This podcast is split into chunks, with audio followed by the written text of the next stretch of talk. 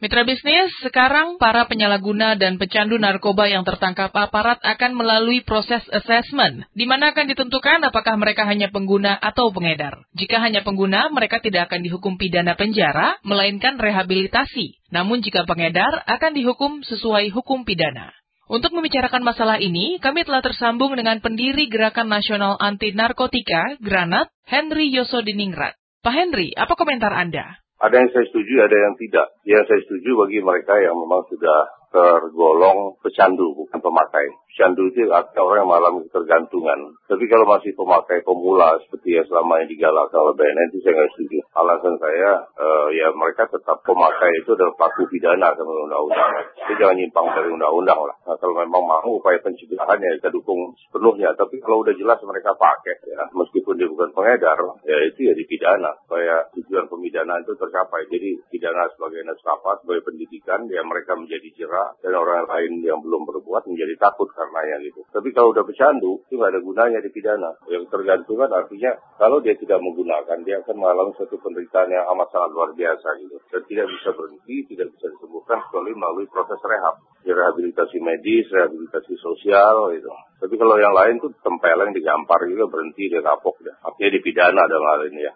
Menurut Pak Henry, bagaimana bentuk pengawasan terhadap proses asesmen ini agar tidak rawan untuk dimanipulasi? Itu yang sering saya katakan harus ya revolusi mental itu termasuk itulah ya. Jadi betul-betul orang yang uh, bisa dipertanggungjawabkan profesionalismenya ya dan bisa dipertanggungjawabkan dedikasi serta kredibilitas mereka gitu. Jangan mereka memperjualbelikan surat keterangan sebagai pecandu itu tadi. Apa yang menjamin seorang pecandu tidak memakai narkoba lagi setelah keluar dari rehabilitasi dan apa yang menjamin seorang pengedar berhenti dari bisnisnya setelah keluar dari penjara? Tidak ada, tidak ada jaminan, tidak jaminan. Banyak yang relapse itu. Tapi setidaknya lebih banyak juga yang berhasil gitu. Nah itu satu. Kemudian yang kedua, seorang pengedar itu ini ya harus kita adil ya. Pengedar itu bisa secara formil dia bisa dikategorikan sebagai pengedar. Tapi secara material dia bukan pengedar. Misalnya seorang yang pecandu sampai ke putau misalnya ya. Nah, untuk memenuhi kebutuhan dia, dia harus mengedarkan dalam tanda kutip. Dia edarkan itu di kalangan dia sendiri, kalangan para pemakai. Ya, dia bukan pengedar dalam arti merupakan bagian dari sindikat, bukan. Nah, orang seperti ini tidak tidak pas kalau dikenakan pasal sebagai pengedar. Jadi hasil dia mengedarkan barang itu, barang itu dia jual untuk kalangan sendiri sesama pemakai, hanya untuk memenuhi kebutuhan dia hari itu. Kalau bukan pecandu tidak boleh, itu apa? Direhab. Nanti akibatnya membuat orang bersembunyi di balik ketentuan itu. Berlindung maksud saya di balik ketentuan itu tadi. Wah saya pemakai, sehingga saya harus direhab. Dan lolos dia dari pidana. Prinsipnya yang boleh direhab itu hanya mereka mengalami ketergantungan akan zat itu. Yang tidak bisa dihentikan tanpa melalui satu proses rehabilitasi baik medis maupun ano, sosial. Kira-kira ada alternatif lain nggak Pak untuk pemerintah supaya masalah narkoba ini benar-benar selesai?